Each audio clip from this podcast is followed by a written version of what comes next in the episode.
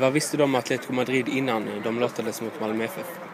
Eh, nej, väldigt mycket såklart. De är, I och med att de är spanska mästare, de är vice europeiska mästare och jag följde dem och såg dem både när de, förlorade Champions League-finalen och, eh, och när de vann ligan i, i våras. Så eh, bra koll såklart. Eh, jag har också sett hur de har tvingats bygga om efter alla spelartappen i, i somras och så. Eh, med hyfsat bibehållen spelmodell med vissa, vissa kvalitetsskillnader såklart.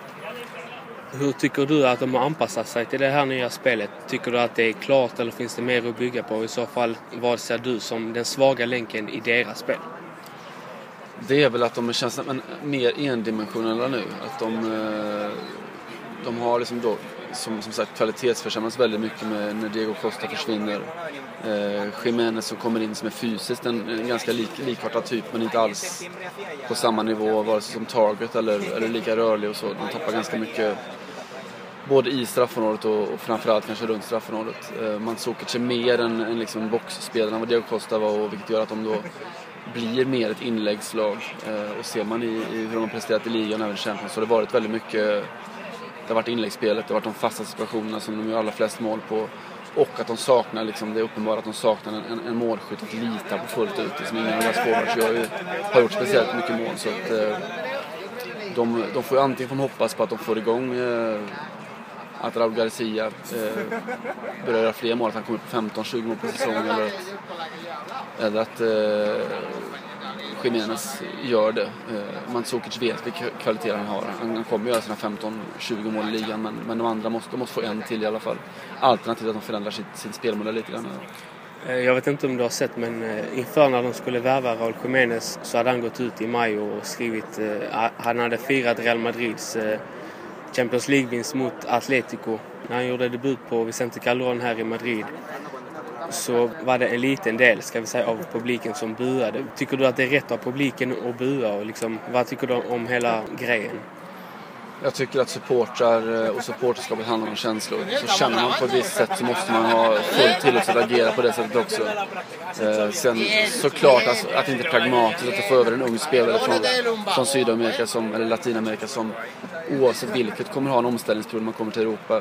Såklart behöver stöd, behöver tid, behöver tålamod och allt det där från, från supportrarna. Men, men den dagen som jag ber supportrar att agera helt rationellt och logiskt, eh, den, den dagen tror jag aldrig kommer riktigt skulle du att MFF skulle klara sig om man får säga så här pass bra för själva Champions League som de har gjort nu? Om man säger, i och för sig bara spelas två matcher, men ändå.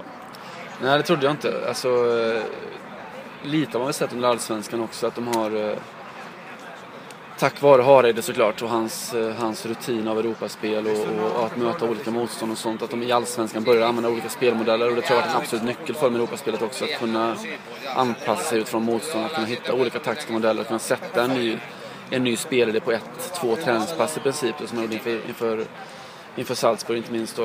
Eh, och så tycker jag att man ser, eh, vilket är fascinerande, att spelarna höjer sig eh, genuint 10% per, per, eh, per spelare i, i de här matcherna.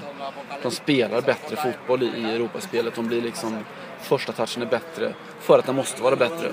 Man, man kan inte tillåta sig att, att slarva eller vara lite, lite mjuk i foten och så. så att, eh, eh de har lyft sig och jag kan ärligt säga att jag trodde inte att de skulle lyfta sig riktigt till, till de nivåerna som vi har sett.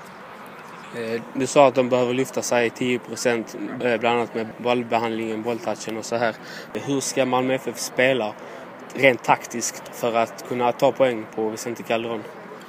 Jag tror att tanken med fembackslinjen är helt, eh, helt riktig. Att få, få tre centrala mittbackar, eller tre, tre mittbackar. För att det, det kommer de behöva just i inläggsspelet, duellspelet i, i, i eget straffområde. Sen det absolut viktiga för dem är att de måste också kunna ha ett spel, de måste kunna hålla i bollen, de måste kunna andas lite grann. Eh, och då handlar det om att, att kunna trycka upp ytterbackarna inte minst. Att kunna hitta spel på innermittfält, ut på ytterbackar och sen kunna hålla i den lite grann.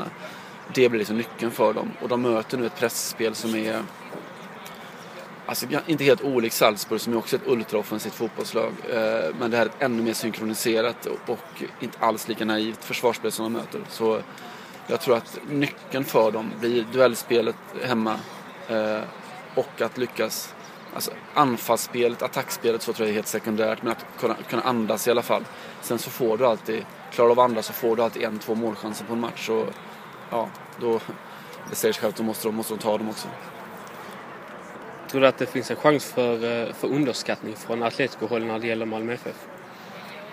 Nej, det tror jag inte. Det hade varit rimligt på sätt och vis om, om de hade känt så. Men dels så är det ju alltså, i kraft av, av att de faktiskt bara har tre poäng som gör att de, måste, de behöver resultat. Och sen så är det, det Diego Simeone som tränar laget. Och eh, han accepterar ingenting sånt. Han skällde ut dem på träningen inför Spanol-matchen. Och, eh, han är inte rädd för att, om han ser någon sån där tendens hos någon spelare så då spelar de inte, eller så byter han ut dem. Det, eh, jag tror inte att de spelare vågar eh, vågar släppa med, med Simeone som tränare.